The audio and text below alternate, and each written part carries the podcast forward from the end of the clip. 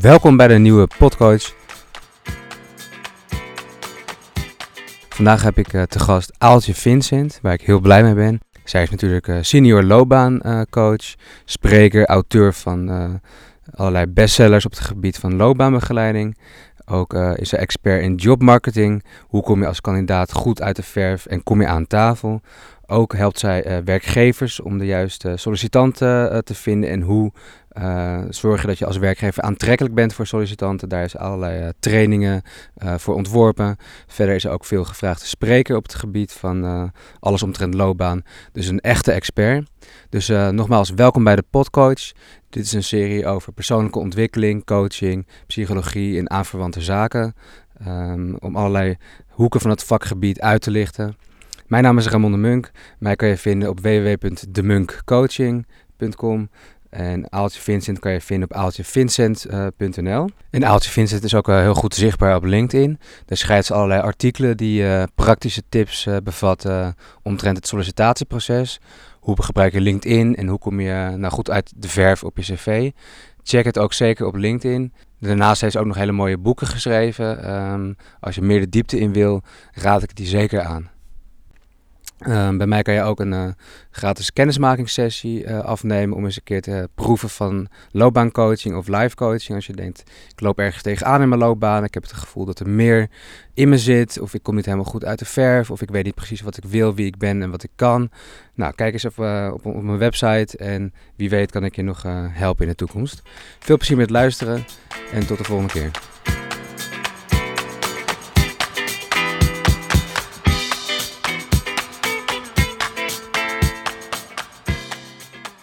Um, heel erg fijn dat ik uh, vandaag bij je langs mag komen om uh, het te hebben over onder andere jobmarketing en jouw werk als uh, senior loopbaancoach. Ja.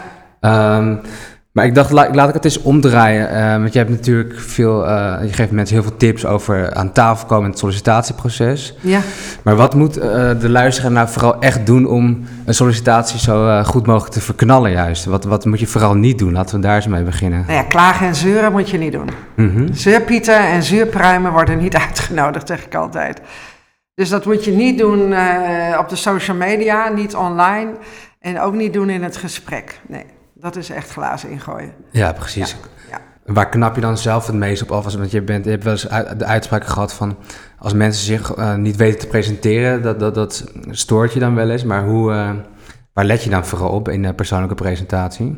Op zelfbewustzijn. Hè? Hoe meer je uitstraalt dat je echt weet wat je waard bent, hoe beter het is. Want dat is wat een werkgever wil. Iemand die echt goed weet wat voor probleem dat hij kan oplossen bij de werkgever. Dus een zelfbewuste uitstraling over je vakmanschap, dat is, dat is cruciaal. Ja. Iemand moet eerst arbeidsmarkt klaar zijn. Mm -hmm. En arbeidsmarkt klaar zijn is dus echt weten en voelen en ervaren. Ja, dit is de oplossing die ik ben voor een werkgever. En, uh, en dan moet je daar natuurlijk zelf echt, een, echt een uitstraling over hebben. Ik ben een hele goeie, je moet mij hebben. Ja, ja, ja. En je moet pretlichtjes hebben. Dat is allemaal nodig, wil een werkgever denken... oh, nou, dat wordt onze nieuwe collega. Dus dat, is, dat klinkt vooral op een, een gevoelslaat. Dus mensen moeten een bepaald gevoel hebben, een overtuiging hebben van een, een persoon. Maar welke elementen zorgen nou voor zo'n overtuiging dat ik als werkgever denk van... hé, hey, die, die aaltje, die moet ik echt hebben, of die Pietje of uh, Marietje, zeg maar. Nou ja, wat werkgevers heel erg zoeken is enthousiasme. Enthousiasme en nog eens enthousiasme. En dus dat zien ze in je pretlichtjes, dat zien ze in hoe je uh, praat over je vakken, over de ervaringen die je deelt. Maar bovenal ook de vragen die je zelf stelt. Ja. Dus ik weet van selecteurs, en dat zijn natuurlijk corporate recruiters, die zijn de hele dag met het vak bezig, recruiten. Je hebt bureau-recruiters, die doen dat ook de hele dag door. Je hebt HR-managers, die hebben werving en selectie als deeltaak.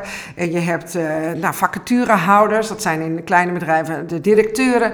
En in grote bedrijven zijn dat de teamleiders. Al die mensen die zijn bezig met, uh, met selectie. En uh, ja, die willen allemaal iemand die ontzettend enthousiast is en goede vragen stelt. Dus je onderscheidt je ook van iedere andere sollicitant door de, door de vragen die je stelt. Ja. ja. Vragen stellen is natuurlijk heel belangrijk. Dus je kan natuurlijk ook goede vragen voorbereiden. Ja. Uh, om te laten zien dat je echt een verstand van het bedrijf hebt. En van de Ja. mensen die aan tafel zitten natuurlijk ook. Ja, dat moet je dan wel laten zien. En, uh, dus je moet niet een, een vraag stellen van iets dat je online al had kunnen weten. Ja. Um, je moet een vraag stellen waarvan ik dus zeg dat in de eerste deel van die vraag laat je fijntjes je vakmanschap vallen. Dus je zegt van, nou ja, ik heb uh, bij, uh, nou ja, ik heb goede ervaring met de, in, met de afschaffing van de beoordelings- en functioneringsgesprekken. Ik heb goede ervaring om dat uh, om te zetten naar een regulier goed gesprek met elkaar. En hoe doen jullie dat hier? Ja. Dus dan laat je in de eerste deel van de vraag al fijntjes je vakmanschap blijken. En vervolgens vraag je hoe zij dat al doen. Hoe ver gevorderd zij er al mee zijn. Ja, en dan sluit je ook nog uh, een goede match tussen uh, wat jij te bieden hebt en wat, wat zij uh, ja. ook Ja. in aanbod hebben. Ja, vinden mensen wel heel moeilijk, omdat ik dan mijn kandidaten ook vraag van, nou, mail mij nou de vragen die je gaat stellen. En dan, en dan gaan, hebben ze mij vragen gemaild, want ik doe ook veel e-mailcoaching en telefooncoaching.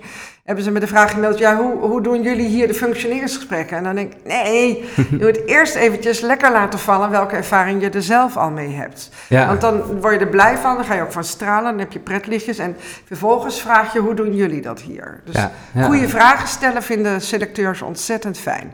Hele dan maakt het ook echt een heel gelijkwaardig gesprek dan. Ja, dat wordt het meer een dialoog dan eh, dat, je, dat je alleen maar aan het pleasen bent van de, van de vragen die de ander stelt. Ja, ik, ik, ik was laatst op een congres, op een recruitmentcongres, en daar spraken mensen van het ministerie van Sociale Zaken. Die doen nu een eh, pilot met werving en selectie, maar die spraken continu weer over het sollicitatie-interview, interview. Dus ik heb hen teruggegeven, ja, je moet het geen interview noemen, het is een, een gesprek. Juist door het feit alleen al dat je het een interview noemt, maak je het al eenrichtingsverkeer. Het is een gesprek. Dat is waar Ja. een sollicitatiegesprek over gaat. Het gaat over dialoog. Het gaat over dat je elkaar wilt leren kennen en dat je zelf ook vragen stelt. Omdat je zelf als sollicitant ook wilt weten, is dit voor mij de beste stap die ik nu kan zetten? Absoluut. Ja. Ja, die gelijkwaardigheid die eh, vind ik ook inderdaad heel belangrijk. Ja. Het is net als met daten. Je, je, je hebt allebei wat te bieden, je komt wat halen, maar je komt ook wat brengen natuurlijk. En die intentie mag je natuurlijk best ja. laten zien. Ja, dat is mijn stokpaardje op dit moment. Dat is echt. Eh, want ik spreek nu meer eh, recruiters en werving en selectie, omdat ik nu ook word ingehuurd door bedrijven om hen te helpen goed om te gaan met sollicitanten. Dus, en, en daar is mijn boodschap ook heel erg eh, de gelijkwaardigheid Oh ja. die je ook als organisatie moet willen met kandidaat. ja, Ja, mooi. ja, En je noemt, het- je noemt ook wel vaak de term jobmarketing. ja. Kan je toelichten wat je daar precies mee bedoelt? Jobmarketing, die term die eh, stamt uit eh, 2004 ongeveer, denk ik. Ja. En toen noemde iedereen het nog solliciteren. Maar ik dacht, nee, het gaat over dat jij een probleem eh, eh, oplost voor een werkgever. Dat je een oplossing bent. En als je een oplossing bent, dan ben jij zelf een product. Ja. En dat moet je dan gaan marketen. En dat market je richting een job. Dus dat is jobmarketing. Dus ik vind jobmarketing eh, scherper duiden Mhm. hoe de arbeidsmarkt in elkaar zit dan het woord solliciteren. Alleen het woord solliciteren is algemeen gebruik. Maar jobmarketing geeft echt aan, je moet een eh, eh, oplossing zijn voor een werkgever. En dan eh, Ja, kan je ja, beginnen. Ja. Wat ik zelf vaak merk is dat er in veel vacatureteksten dat probleem wat je schetst niet altijd voldoende naar voren komt. Dus je moet eigenlijk altijd vragen blijven stellen. Welk probleem moet ik nou oplossen? Is, Ja. is het zwangerschapsverlof of zijn we juist gegroeid? Of is de vorige werknemer onvoldoende bekwaam geweest? Wa- Wat is het probleem precies? Ja, ja, hoe is het probleem ontstaan? Ja. Ja, ja, ja. En eh, wat ik ook wel veel merk, is dat bij dat persoonlijke profileren of jezelf verkopen of jezelf als merk zien, dat vinden veel mensen toch lastig of zo. Die denken, ja, ik ga, wil gewoon werken, maar ik ben geen merk. Maar hoe, hoe, hoe kan je toch Ja, die dus onrust ik- wegnemen bij Ik heb mensen? dus ook het woord merk nooit echt gebruikt. Nee. Ehm, maar wel dat je een oplossing moet zijn. En dat als ik dat tegen werkzoekers. eh, als ik dat met hen deel, dan zie ik wel een kwartje vallen. Dan zie ik wel hun gezicht en denken: oh ja, het gaat niet om dat ik werk wil. Mhm. Het gaat erom dat ik een oplossing ben voor een werkgever. Ja, precies. En, en dat, dat, het feit alleen al dat dat kwartje valt, helpt al. ja. Helpt al heel erg, want als je dan een oplossing bent, dan kan je ook veel doelgerichter te werk gaan. En kan je ook veel beter ehm, je eigen vakmanschap toe-eigenen. Want dan kan je zeggen, met dit vakmanschap ben ik een oplossing. In plaats van, ja, ik zoek werk, ik zoek ja, dat werk. is heel mooi. Ja, Maar dat doet me een beetje denken aan een zelfstandig ondernemer die ook een soort van probleem in de markt ziet en daar dan op inspringt of zo, als een uniek, ja, een oplosser van dat probleem. Dus ja. Vind je dan ook dat je op jezelf op die manier best wel mag neerzetten in een sollicitatiegesprek? Of je moet jezelf echt neerzetten. Ja, het gaat ook eigenlijk niet om wat ik allemaal vind. Het Ja. gaat om wat selecteurs vinden. Dus, dus dat volk dat erover gaat, wie nodigen we uit? En die nodigen alleen maar mensen uit waarvan ze denken... oh, die zou het probleem dat we hier hebben kunnen eh, oplossen. Ja, Dus ehm, dat is wat ik van hen hoor. Zij willen een oplossing. Dus het gaat erom dat je dus in, eh, in alle stappen, in, alle, in het hele sollicitatieproces, echt realiseert, straal ik uit dat ik een oplossing ben. En een van de belangrijkste documenten is dan het cv en je LinkedIn-profiel, want dat zien werkgevers vaak eerder van jou dan jouzelf. ja precies. Dus dat leidt ertoe dat ze denken, oh, die willen we spreken. ja. Of dat ze je niet willen spreken. Werkgevers gaan natuurlijk altijd even googlen naar een naam als ze iemand interessant vinden. Komen dan vaak op je LinkedIn terecht, Ja. in het beste Ja. geval. Ja, En nou, die moeten er natuurlijk maar beter verzorgd uitzien. En jij schrijft natuurlijk ook veel over LinkedIn en over Ja. het cv. ja. Ehm, dus die twee dingen zijn heel belangrijk. En ik merk dat het LinkedIn vaak wel een ondergesneeuwd kindje is bij veel mensen. Die denken van, Ja. oh ja, ik heb, een- ik heb een profiel, maar ik doe er eigenlijk niet zoveel mee. ja. Wat zou jij die mensen toch willen aanraden eh, over LinkedIn? Nou ja, om gewoon elk. Kijk, we, het cv is het meest belangrijke document. Dus in mijn ogen is dat echt opgesteld op een manier dat je vakmanschap ervan afspat in seconden. En je kunt het cv gewoon gebruiken als basis voor je LinkedIn-profiel. Alleen Ja. het gave van LinkedIn is dat LinkedIn je nog veel meer mogelijkheden biedt dan alleen het cv. Ja, Het cv is maximaal twee kantjes, uitzonderingen daar gelaten. precies. En LinkedIn biedt je ook een heel scala aan dat je daar media kunt toevoegen.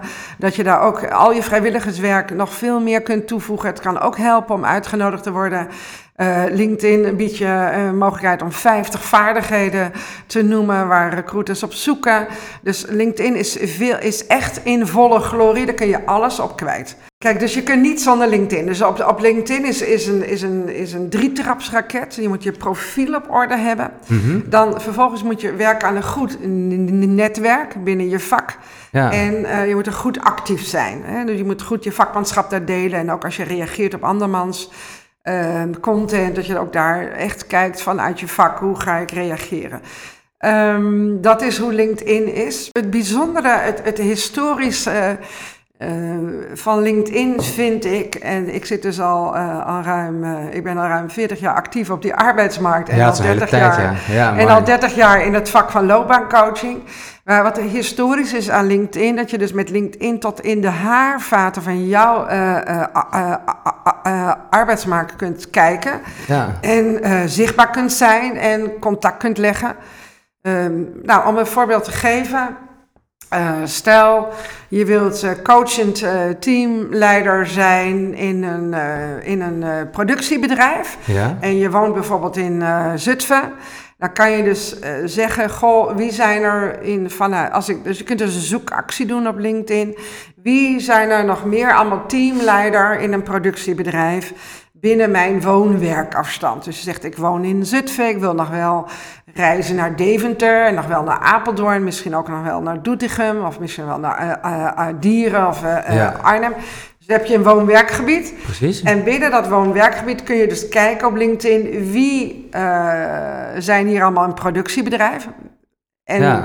je kunt al die bedrijfspagina's opzoeken. Het, het- een leuke tip is, aan de rechterkant van iedere bedrijfspagina geeft LinkedIn je aan, dit zijn vergelijkbare pagina's. Ja, dus zo ja, kun je dus echt een hele targetlist maken van eh, werkgevers in de productie binnen jouw woon-werkgebied. En je kunt vervolgens dus ook gaan zoeken op, eh, en soms heet het teamleider en soms heet het eh teammanager en soms heet het teamlead. Het is maar net hoe ze het daar allemaal noemen. Maar je kunt dus zoeken op de mensen die nu dat werk daar doen. Ja, dat is ideaal, ja. En dat kan eigenlijk, kun je dat met een uurtje speurwerk op LinkedIn, kan je dus helemaal in kaart brengen. Ja, Wie nu het werk doen dat jij wilt gaan doen. Ja. En daarvoor werkt LinkedIn uitstekend. En, en ja, de mensen die nu het werk doen dat jij wilt, die weten natuurlijk het aller, aller, allereerst of er een vacature is. Want die weten het eerst of een van hun collega's ontslag heeft genomen, Ja, of dat ja. ze zelf ontslag gaan nemen. Of ze weten dat er als eerste dat er een nieuwe bij mag komen omdat het zo druk is. Ja, Dus, perfect. ja, dus LinkedIn is een, is een fantastisch tool om jouw arbeidsmarkt tot in de haarvaten in kaart te brengen, contact te leggen, zichtbaar te zijn. Ja, en ik ben zelf ook heel nieuwsgierig. Dus ik vind het super leuk op LinkedIn om lekker een beetje door te klikken. Het klikt heel intuïtief door naar mensen of bedrijven. Waar hebben ze daarvoor gewerkt en uh, wie werken daar dan en wat voor mensen zijn het, hoe komen ze daar, wat een opleiding en zo. Ja. Dus een enorme kennisbank eigenlijk en informatie. Dus ja. uh, het is echt mooi. Het is, het is uh, meer, meer dan 82% van de beroepsbevolking heeft inmiddels een LinkedIn-profiel. Nog lang niet iedereen is er echt goed actief op, nog lang niet. Nee. Maar het is wel een, de, de hoogste percentage penetratie binnen de beroepsbevolking wereldwijd. Mm Dat LinkedIn gebruikt. Dus het is, en ik merk wel dat heel veel werkzoekers al die mogelijkheden die LinkedIn je biedt, nog lang niet uh, benutten. Ja, precies. En dan ook het, het, contact leggen met mensen die het soortgelijk werk doen als jij uh, naar verlangt, zeg maar. Ja, je kunt dus die teamleiders die nu in de productie, uh, nou, ik vul even in, misschien is daar een productiefabriek van de Campina of van de Heinz of van de beschuitfabriek, ik, ik noem maar wat. Maar je kunt dus dan die teamleiders vinden op LinkedIn. En die kun je dan een connectieverzoek sturen. En uh, het connectieverzoek doe je dus op iemands eigen profiel. Dus niet zomaar klikken vanuit de, de LinkedIn-app op je telefoon connectie, maar echt een verzoek doen. En uh, wat ik weet is dat als er twee elementen in zitten in dat connectieverzoek, namelijk ik heb iemand echt gezien want mens, iedereen op deze aardkloot wil gezien worden. Ja, ja, ja, En iedereen wil ergens bij horen. Everybody wants to belong, zeg ik altijd. Dus als je in die tekst hebt staan... Goh, ik zie op LinkedIn dat jij uh, teammanager bent bij de Heims productie... Uh, in Warnsveld. Nou, teamleiding in productie is ook mijn vak, uh, dus graag connect ik met je. Ja, dat, is heel mooi. Dan heb je en de verbinding uh, genoemd, vernoemd wat je gezamenlijk hebt en dat je iemand echt gezien hebt. Ja. In mijn ervaring accepteert dan nagenoeg iedereen dat connectieverzoek. Dat heb ik zelf ook volgens mij bij jou gedaan op zo'n soort vergelijkbare manier. Ja. En met andere mensen waar ik ook een podcast mee heb gedaan. Die stuur ik ook een brief van, goh, je bent ook leuk bezig met, met loopbaancoaching of iets in het vakgebied. Ja. En dan, dan verbind je toch even en inderdaad iemand voelt zich gezien of erkend. En dat vinden we toch leuk. En je hebt een gelijkenis om iets over te praten. Dat is altijd heel erg leuk. Ja, ja.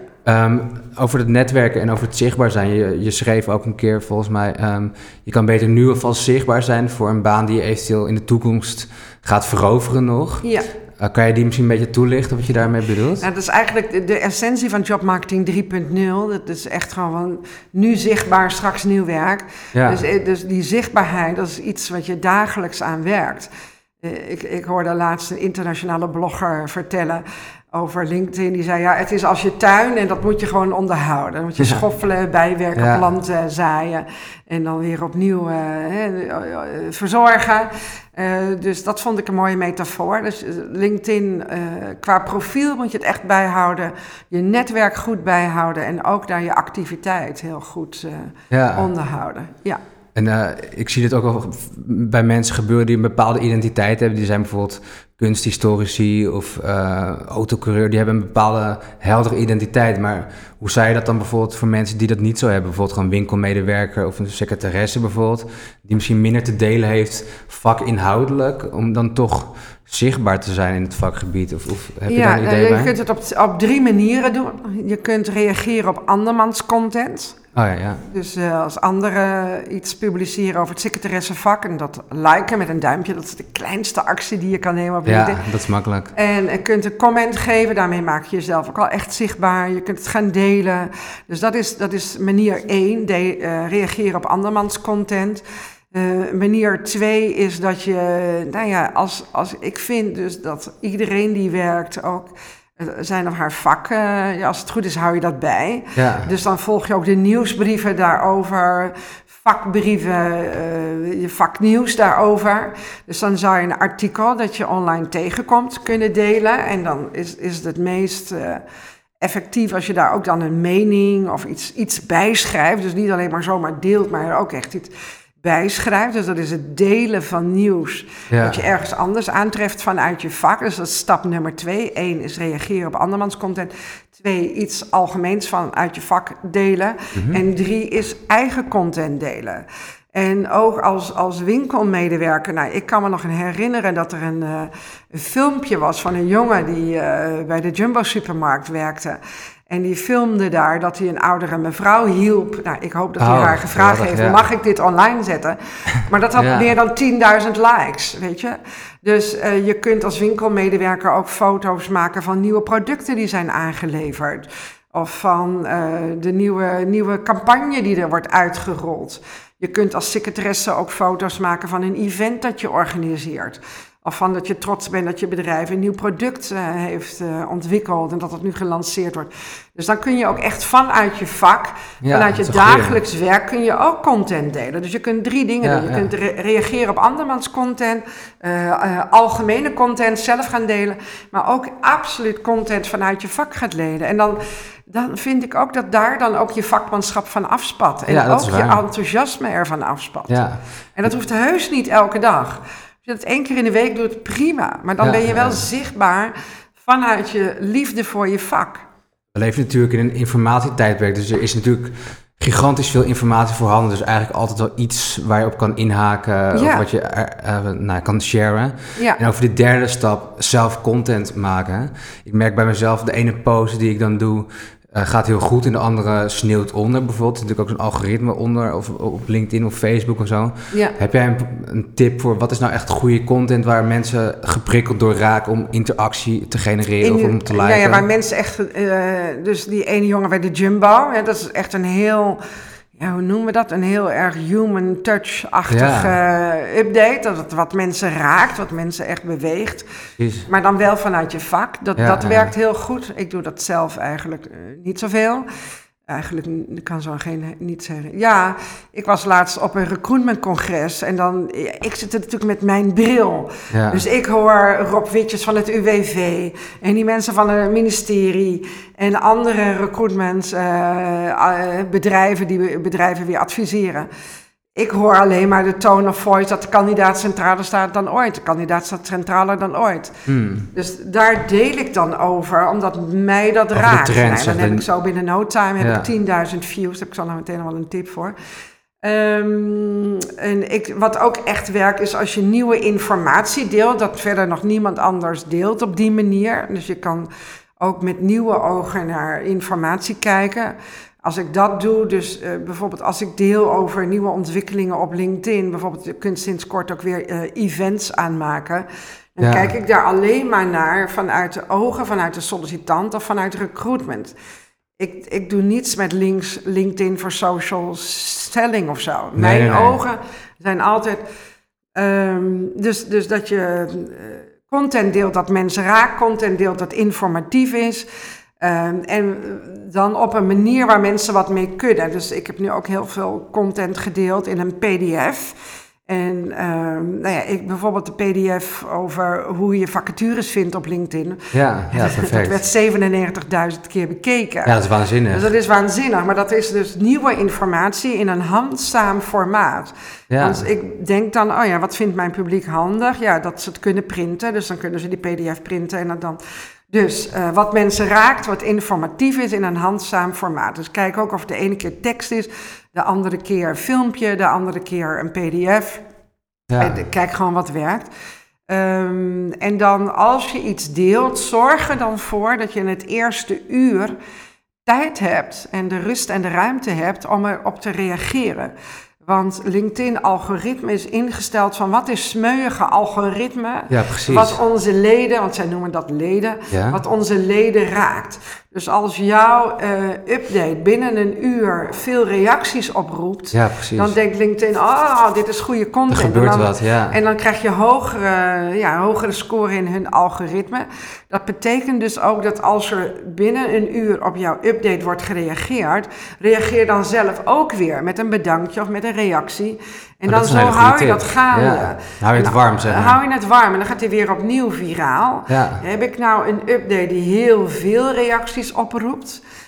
Bijvoorbeeld die, die ene die ik net noemde. Ja. Dan ga ik natuurlijk niet binnen 10 minuten iedereen reageren. Want dan denk ik, nou, ga ik over uh, vanmiddag in de lunchpauze nog weer eens reageren.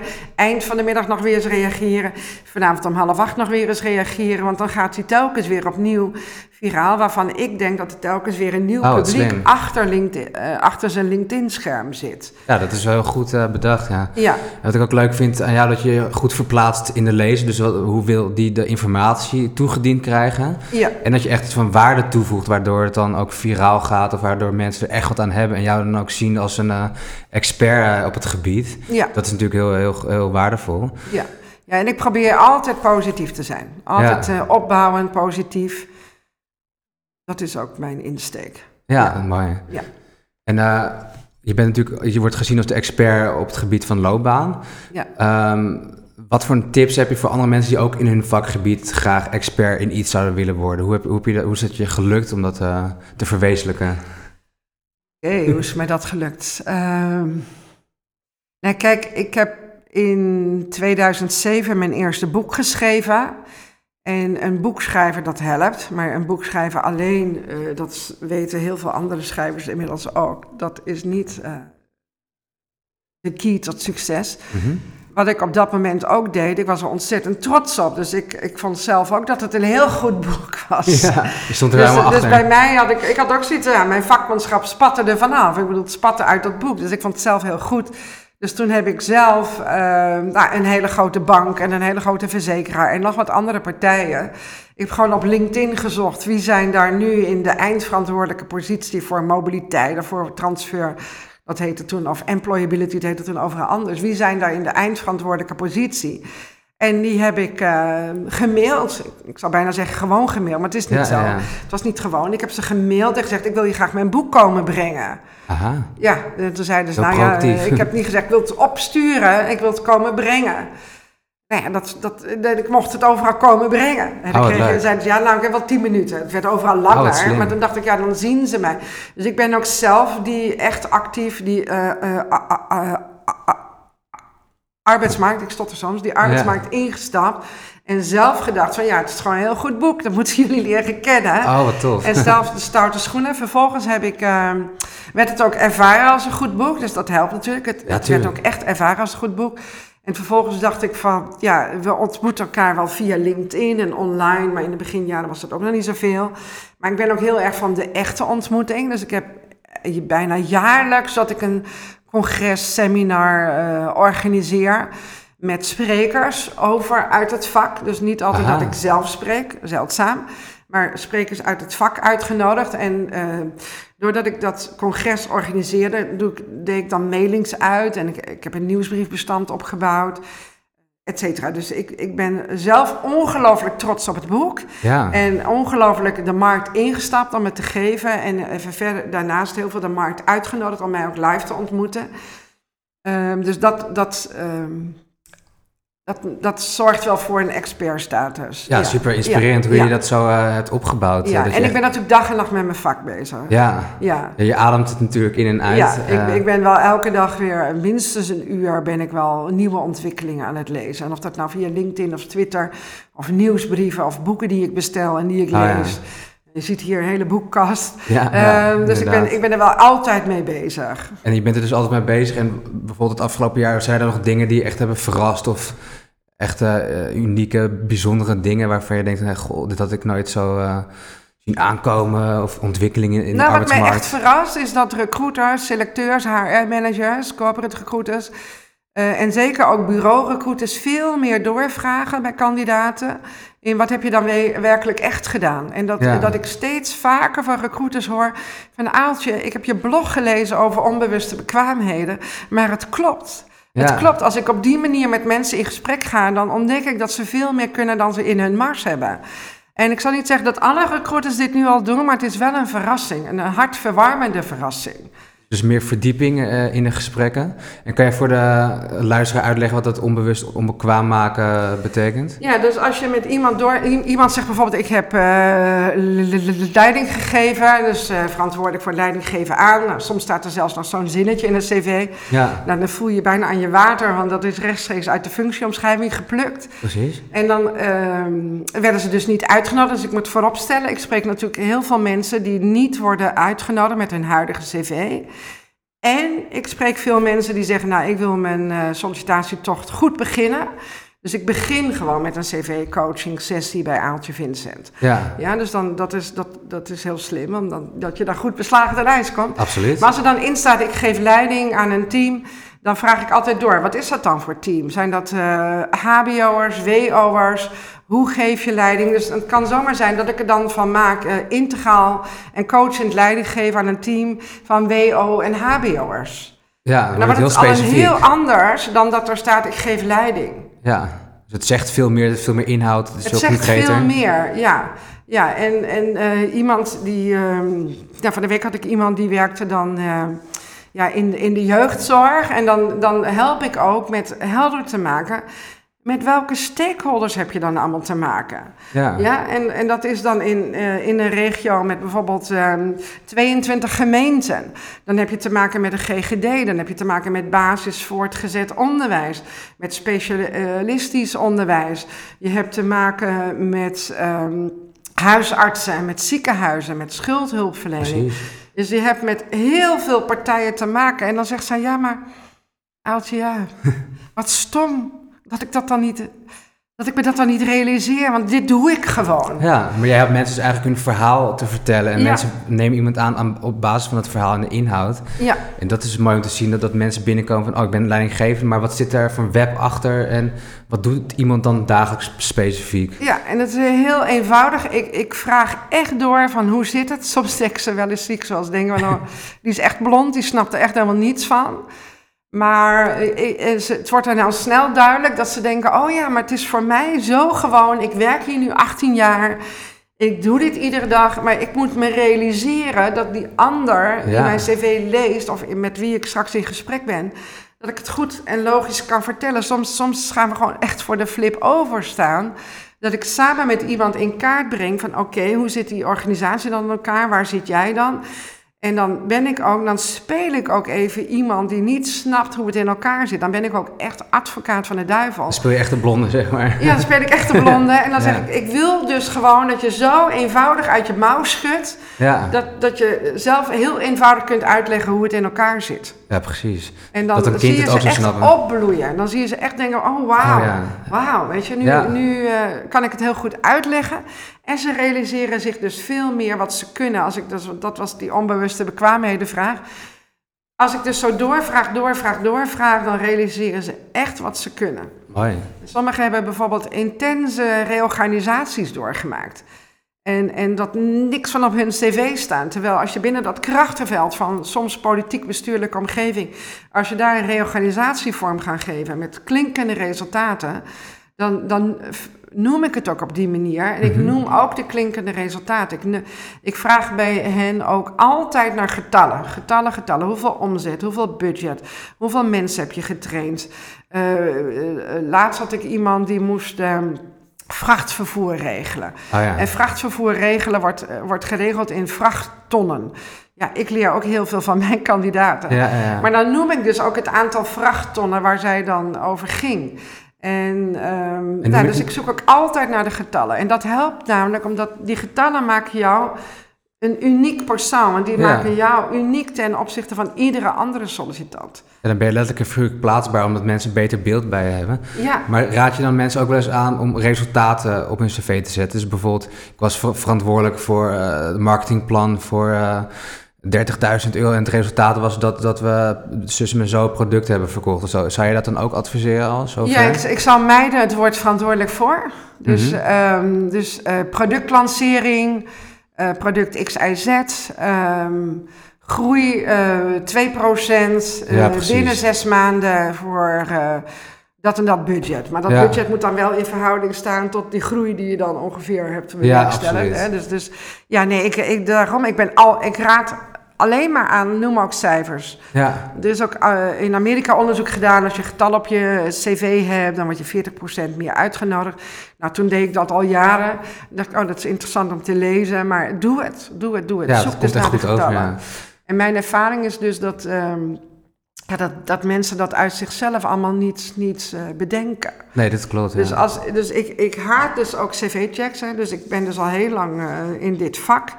En eh, nou, in het vak zijn zeker in de crisisjaren heel veel mobiliteitsmarkten, employability bijeenkomsten geweest. En in de beginjaren werd ik dan wel gebeld van Aaltje, wil je dan bij ons cv-checks komen doen? En dat, dat heb ik categoraal geweigerd, want ik doe dat niet. Want als ik alleen maar cv-checks mag doen, dus Ja. iemands cv beoordelen en er daar iets over zeggen, eh, in, in vijf of tien minuten, dat, dat kan niet. Want dan, dat druist tegen alles in wat ik voor sta. Je wil eerst de persoon achter de cv leren kennen en dat eerst vertalen. vragen stellen, vragen stellen, Ja, vragen stellen, vragen stellen. Ik doe wel, als ik jobmarketing masterclasses geef, dan, eh, ik heb bij Philips en bij andere, bij heel veel eh, bedrijven heb ik heel veel jobmarketing masterclasses gegeven. Dan Ja. doe ik het wel een half uur, dat ik iemand, die weet het dan van tevoren, die heeft toestemming gegeven dat ze huidige cv op de beamer mag, is allemaal heel goed Ah, ja, ja. ingebed. En de personalia zijn geanonimiseerd, maar dan heb ik iemand een half uur voor de groep. En dan zoomen we in op zijn huidige functie. En dan stel ik een aantal vragen aan diegene. Waar, eh, en ik weet natuurlijk wat ik moet vragen inmiddels na al die jaren ervaring. Ja, precies. Eh, want ik, ik, cv-coaching doe ik echt al vanaf het prille begin. En dan zie je dat iemand, aan de antwoorden dat iemand geeft, dan zie je ook dat hij dat. Want dan is zijn cv op de beamer, dat hij zichzelf ongelooflijk tekort doet op zijn cv. ja, En dan door die ja. paar antwoorden die ik dan naar boven krijg, zie je al dat iemand zichzelf veel beter voor het voetlicht kan zetten dan dat hij nu doet met iets dat gewoon waar is, wat hij overdag doet. Ik heb ooit iemand bij Philips gehad en die deed dan, dat had hij dan omschreven, iets van, eh, ja, ehm, gebruiks, ah, gebruiks, heet het, gebruiks... aanwijzing, heet dat nou, wat je bij een product Ja, krijgt. eh, Ehm, wat je bij een product Als je iets uitlegt, een Ja, productomschrijving. maar toen ging ik dus doorvragen en toen bleek dat dus, dat hij dat dus voor 32 landen wereldwijd doet. Ah, En dat hij ook voor ieder land weer inzoomt en niet alleen maar een clip en klare vertaling, maar gewoon ook echt weer inzoomt op de cultuur van het land, van hoe doe je daar die tone Ja. of voice. Maar dat had hij helemaal niet op zijn cv staan. dat is wel cruciaal informatie natuurlijk, het en dus, afstemmen maar dan zie je dus, want dat is dan in een masterclass met 60 deelnemers, dan zie je daar een soort wave ontstaan van, oh ja. En dan gaan ze ook bij zichzelf te raden, doe ik mezelf wellicht ook tekort. Maar is het bescheidenheid of is het die on, onbewust? eh, Onbewust, onbewust, Ja. onbewust. En daarom is het zo goed om je cv toch eens tegen iemand anders aan te houden. Om het, Dat samen iemand te doen. anders vragen stelt. Ja. Vragen, daarom weiger ik dus cv-checks. Want als ik iemands cv zo ga beoordelen, dan, dan weet ik dat ik alleen maar beoordeel wat iemand zelf heeft getypt. Ja, En mijn grondhouding is, iemand kan meer dan dat hij zelf heeft getypt. Dat is mooi. Toevallig heb ik volgende week een career event waar een soort cv-check speed date Ja. is. Dus dan komen mensen op zo'n tafel met een cv onder onze neus. Dus dat ga ik dan Ja. ook doen. En ik heb het één keer eerder gedaan en dan is het heel oppervlakkig van... oh, is het scanbaar? Zijn de rijtjes scanbaar? Eh, Staat de foto mooi? Hoe is de layout? Ja. Is er een persoonlijk profiel? En kan ik iemand plaatsen al aan de hand van het te scannen binnen een minuut? Dus dan wordt het in- inderdaad gewoon een beetje meer technische, algemene, herhaalbare tips... die voor elk cv eigenlijk gelden. Ja. Maar toch zijn mensen er wel blij mee. Maar niet dat ze een hele verhaal kunnen structureren op een cv. Dat is het niet. Het is even een kennismaking met... eh, ja, en mijn grondhouding is dan, je kunt meer dan je hier getypt hebt. Ja, En ik heb al vele, vele, vele loopbaancoaches getraind in deze Ja. methode. En die zeggen, nou Aaltje, dit, dit, dit werkt. Dit werkt gewoon als een tierenlier. Sommigen zijn helemaal lyrisch en doen alleen nog maar cv-coaching. ja, leuk. En anderen zeggen, ja, Aal, ik vind het toch heel ingewikkeld. Ik vind het heel moeilijk, want je moet A, hele goede vragen stellen. B, de antwoorden verwerken. Ik ben soms wel een uur in gesprek met een kandidaat voordat ik nog maar één ding heb getypt. omdat ik eerst al die antwoorden wil hebben. En dan ontstaat er in mijn hoofd een Ja, rijtje plaatje moet ontstaan. vanuit de schoenen van de selecteur. Want ik wil natuurlijk eerst altijd wel dat ze mijn vacatures opgestuurd hebben. Ja, Waardoor ik mij in de schoenen van de selecteur kan verplaatsen. En pas dan ga ik typen. En dat, dat, is, dat is een vaardigheid die je leert door het vaak te doen. maar je Dus vindt het ook voor mij ook echt heel erg leuk te om te doen. Door eh, op te schrijven, door nog weer door te vragen, nog weer door te vragen, door het zelf helemaal te snappen. Dan je te verplaatsen in de schoenen van de selecteur. En dan te denken, oké, wat ik nu ga typen, gaat helpen om uitgenodigd te worden. Het Ja, werkt leuk. om uitgenodigd te worden. En dat is voor sommige loopbaancoaches zeggen, nou, ik vind het geweldig. Dit moeten kandidaten echt allemaal hebben. Dit hebben ze nodig. Maar dit laat ik iemand anders doen. Dit is niet mijn stoel. Vind ik ook oké. Ja, ja. Vind ik ook oké. ja. Maar het klinkt alsof je het echt super leuk vindt om te Ja. doen ook. En dat je echt Ja. grondig het complete plaatje zo goed mogelijk wil vertalen op dat ene stukje papier. En je verplaatst in de werkgever, in, in de klant en de, de arbeidsmarkt nou ja, het, het mooiste is dat je je kandidaten naast je ziet groeien Ja. en bloeien en stralen. En dat je kwartjes ziet vallen. En dat je oh kwartjes ziet vallen en Ja. soms zeggen ze, oh god, dat ik het allemaal niet weet. En dan moet ik opzoeken. En dan moeten ze soms dingen nog opzoeken op de Google. Sommige oude werkgevers googelen we ook van hoe heette die nu. Eh, we noemen ze altijd zoals ze nu heten. We noemen opleiding altijd zoals het nu heet. Ja, Ehm, dus ja, we gaan echt helemaal... Ik ben er echt wel drie, drieënhalf uur mee bezig met iemand. Ja, een hele ochtend. om een arbeidsmarkt klaar cv. Eh, ja, nou, om gewoon een, een cv te hebben Ja, waarvan ja. ik weet dat ze worden uitgenodigd. ja. ja. dat is een Ze mooie. moeten wel arbeidsmarkt klaar zijn voordat ik met hen dat zo'n alleen, een alleenstaande cv-coaching doe. Hoe bedoel je dat precies? Eh, nou ja, als iemand, ik word gebeld door, voor cv-coaching, Ja. eh, nou best wel veel. En wat ik doe is eerst een intake, want iemand moet aan die telefoon wel kunnen zeggen welk werk dat hij wil veroveren. En eh, dat moet dan ook realistisch zijn, dat moet iemand nu ook kunnen en daar moeten ook vacatures in zijn. Anders Ja, kan, ik ja. geen, kan ik mij niet verplaatsen in selecteurs en kan ik geen cv maken dat helpt, dat werkt om uitgenodigd te worden. Dat te vertalen. Maar dat heeft Dus- te dus maken met die fase 1 en 2 van eh, de loopbaancoaching. Ja. Jij richt natuurlijk op fase 2 dus echt het aan tafel komen Ja. in de presentatie. Waar fase 1 zich meer op richt, ja, wie ben ik, wat wil ik, wat kan ik en eh, waar, waar ben ik voor geboren, zeg maar. Ja. En, dus jij richt je vooral op die tweede fase, dat klopt. Ja, dat klopt. Dus als ik op die manier cv-coaching doe, moet iemand arbeidsmarkt klaar zijn. Dat is het eindresultaat van fase 1. Je weet welke Ja. oplossing je bent en je zit goed in je vel. Wat fascineert je dan vooral aan die tweede fase, dat je daar eh, vooral op richt? Ja, ik ben van oorsprong marketeer, dus dat is eh, wat Ja. mij fascineert. Hè? Hoe, hoe breng je jezelf over de bühne? Ehm, en ja, ik vind het gewoon geweldig om mensen te zien stralen en groeien en bloeien. En die Mooi. cv-coaching op die manier, die heb ik niet bedacht. Die is gewoon ontstaan. Want ik werkte vanaf 88 bij een outplacementbureau, bij Phoenix Loopbaanadviseurs.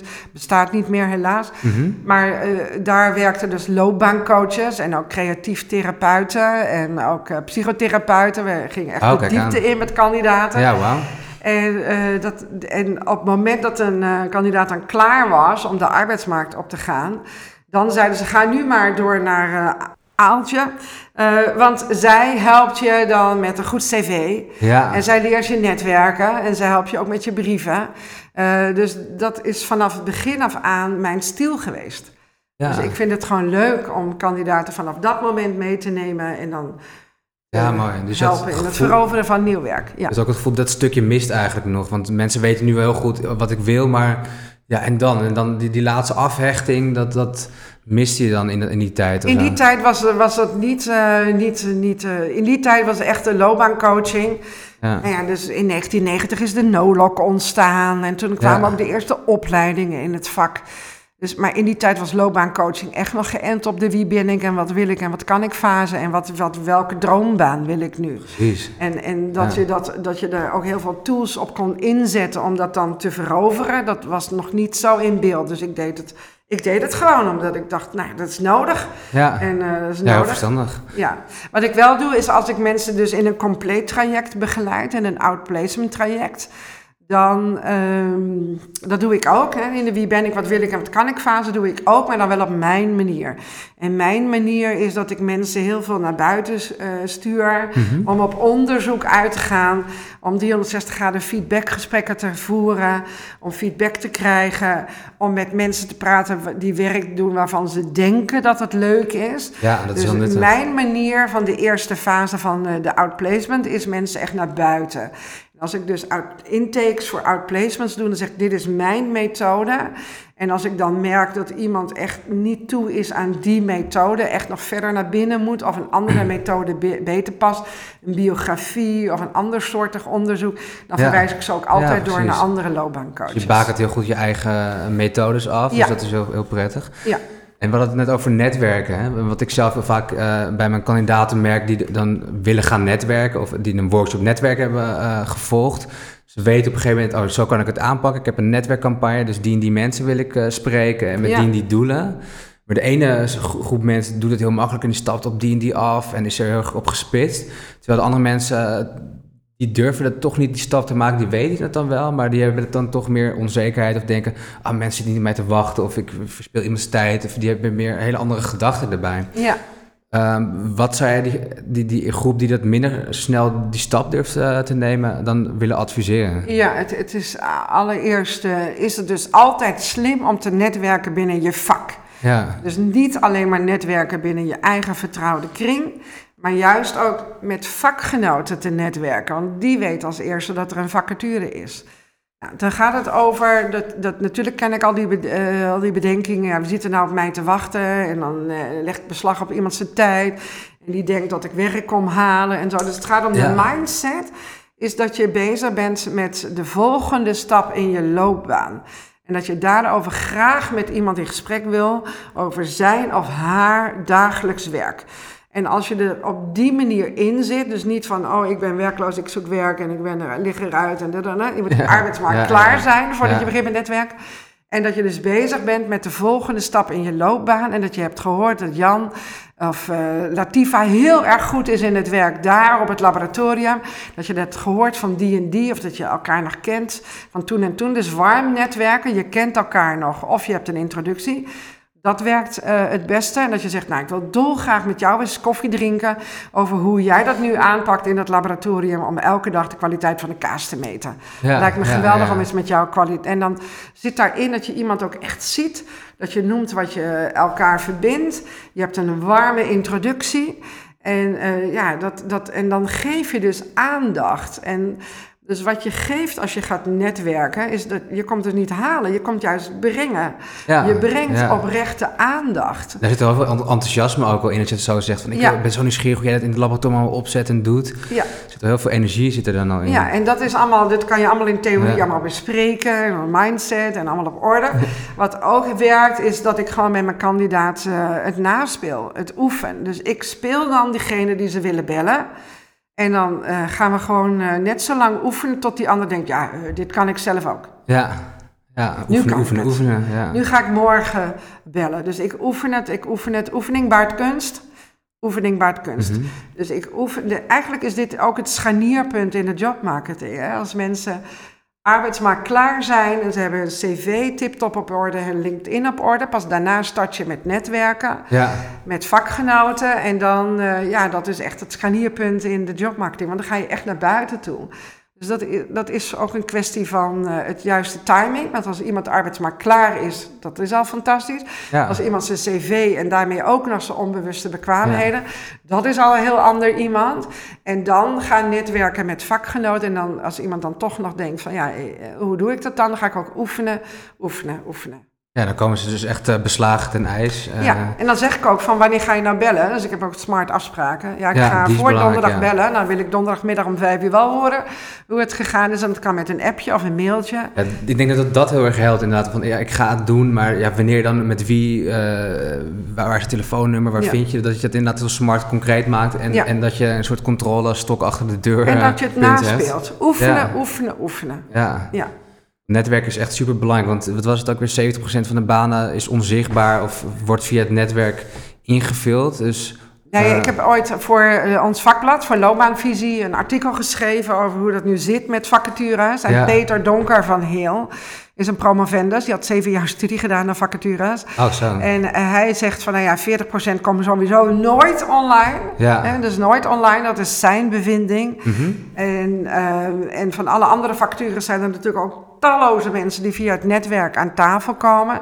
Dus via het netwerk, met hulp van uh, je netwerk aan tafel komen, dat is echt de meest succesvolle weg naar de sollicitatietafel ja, voor iedereen. En en um, nou, wat de laatste jaren ook echt binnen recruitment en binnen werving en selectie een trend is, dat ook echt, dat noemen ze dan referral recruitment, aanbevelingsrecruitment, dat dat mm -hmm. ook echt gewoon een heel programma krijgt. En dat het beloond wordt en dat het gestimuleerd wordt. Ja, Want het uh, mooie van referral recruitment, zowel voor de kandidaat als voor de werkgever, is dat je op dat moment al een relatie hebt met de cultuur van die werkgever. Ja, ja, dus als je al ergens hebt genetwerkt, dan weet je ook, ik wil wel of niet daar voorgesteld worden. Dus je kunt jezelf al voorselecteren. Want we weten allemaal als loopbaancoach, als onze kandidaten ergens hebben genetwerkt, dat ze zeggen van, nou ja, ik, ik vond het een heel leuk gesprek, maar ik zou daar nooit willen werken hoor. Nee, maar je dus ga je ook nooit solliciteren nee, daar. Maar nee, je hebt ook enthousiast. Nou, daar zou ik juist heel graag willen werken. Ja. Dus dat betekent dat ook voor referral recruitment, dat de kwaliteit van de kandidaten enorm hoog is, omdat zij zichzelf al hebben voorgeselecteerd op de cultuur van de organisatie. Ja. En je wordt ook alleen maar voorgesteld als je vakmanschap klopt met de oplossing die ze nodig hebben. Dus dat netwerken, dat, dat is, dus wordt enorm gestimuleerd op dit moment. Op dit Vind je dat dan ook een goede ontwikkeling dat ze bijvoorbeeld van die netwerklunches organiseren? Bijvoorbeeld ja, uh, McKinsey heeft zo'n lunch dat mensen zich ja, kunnen introduceren. En, en dan, Ja. dan heb je al een emotie, of een gevoel bij dat bedrijf. Dan weet je inderdaad, oh, hier ga ik mijn tijd niet eens insteken om een brief nou, te nee, schrijven. ik vind dit wel. dus echt super, omdat het ook helemaal aansluit bij de droom die ik heb. Oh ja. Is dat iedere sollicitant het bedrijf al informeel heeft leren kennen voordat hij besluit te solliciteren. Want dan heb je Hmm. hetzelfde effect. Dan heb je dus betere kandidaten, omdat mensen zich hebben voorgeselecteerd op de cultuur van de organisatie. Dus bijvoorbeeld eh, een gevangenis in Zwolle, die had open dag voor sollicitanten. Ja, Die hadden binnen ja, een week perfect. 600 aanmeldingen. Eh 200 mensen zijn geweest. Ze hadden binnen een week 100 sollicitanten. Maar dus allemaal sollicitanten die al binnen waren geweest. Heel slim. Dus dat is heel slim. Ja, Eh, het UMCG Groningen, die zoeken altijd verpleegkundigen. Die hebben één keer in de maand een verpleegkundige lunch. Dus dan kun je als externe verpleegkundige meelunchen met de mensen die daar nu werken. oh, fantastisch. Omdat het heel laagdrempelig is voor. Want als verpleegkundige, is een krapte beroep. Dus je zegt niet zomaar je huidige werk op. Nee, je nee, wil nee. eerst de cultuur proeven, weten, praten met mensen die daar nu al werken. Eh, dat, dat gebeurt daar. Het UWV had op het hoofdkantoor HR-adviseurs en learning and development managers nodig. Die hebben ook een meet, greet en eat ontbijtsessie georganiseerd Ja, met mensen ja, die daar nu al werken. Eh, dus McKinsey doet het. het. Het wordt continu opgepakt. Steeds meer en meer werkgevers realiseren zich nu dat het informeel kennismaken voordat mensen eh, solliciteren of besluiten dus te solliciteren, dat dat hen betere kandidaten brengt. Dus je hebt ook Ja, ja, steeds meer werkgevers die zeggen tegen hun huidige medewerkers: voel je vrij. Nodig mensen uit om hier op onze vrijdagmiddagborrel te komen. Nodig mensen hier uit. We hebben hier één keer in de maand een avond. Nodig mensen uit om gewoon koffie met je te drinken. Er zijn zelfs al websites Ja. waar die koffiedrinkknop een standaard onderdeel is van hun vacaturesite. Ah, waar ja. je dus kan zeggen, voordat ik... Het Spaarne Gasthuis heeft dat. Je kan gewoon solliciteren. Maar er is ook een button dat je kan klikken van... nou, jee, ik wil eerst informeel koffie drinken. Even de sfeer Voor, en dat staat er dan ook bij. Eerst Ja. kennis maken. Voordat je besluit met ons, eh, bij ons te solliciteren, voel je welkom.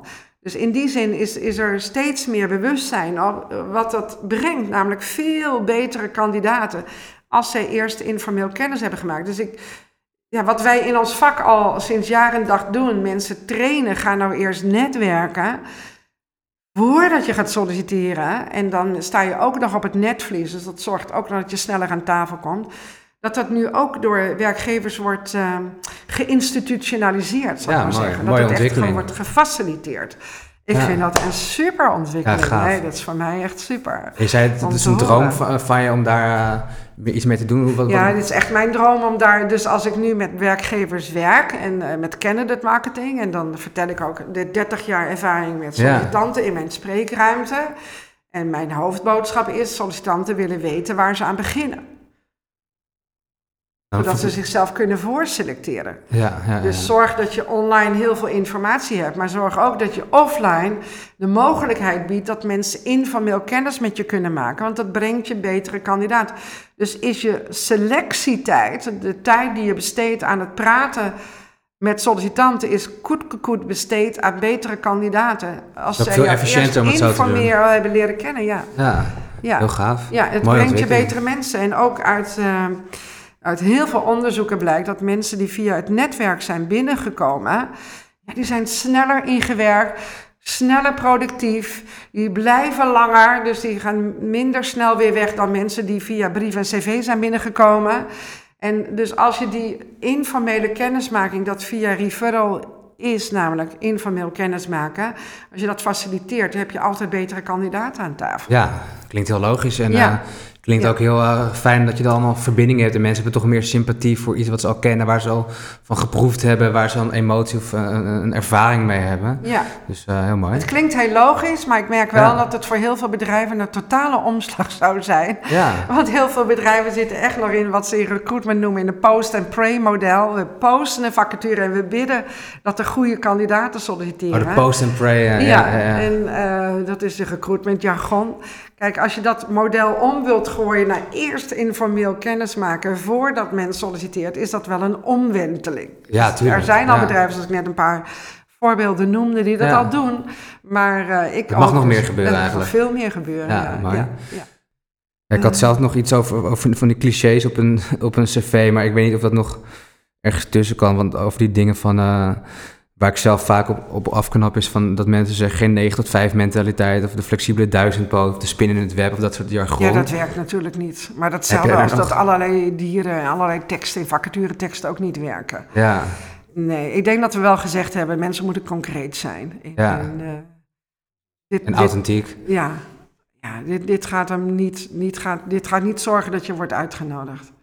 En hoe, heb je ook nog tips voor werkgevers om een vacaturetekst op te stellen? Want dat, ik zie ook veel dat mensen een beetje gaan copy-pasten in die functie-eisen die ze dan opstellen. Dat het niet echt overkomt van hey, dit is echt een authentiek opgestelde vacaturetekst.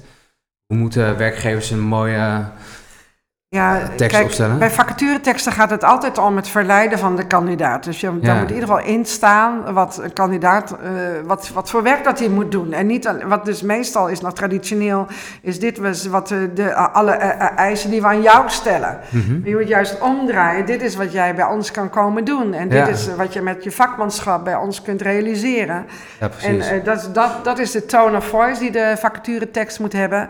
En daarnaast weet iedereen dat het heel erg draait om uh, salaris. Salaris is heel informeel. Maar als binnenkort Google for Jobs naar Nederland komt, die gaat ook vacatureteksten indiceren of daar onder andere ook salaris in staan. Dus dat hmm. is een, ja. een, goede motor om dat uh, nog meer te stimuleren ja, ja, dat erin komt.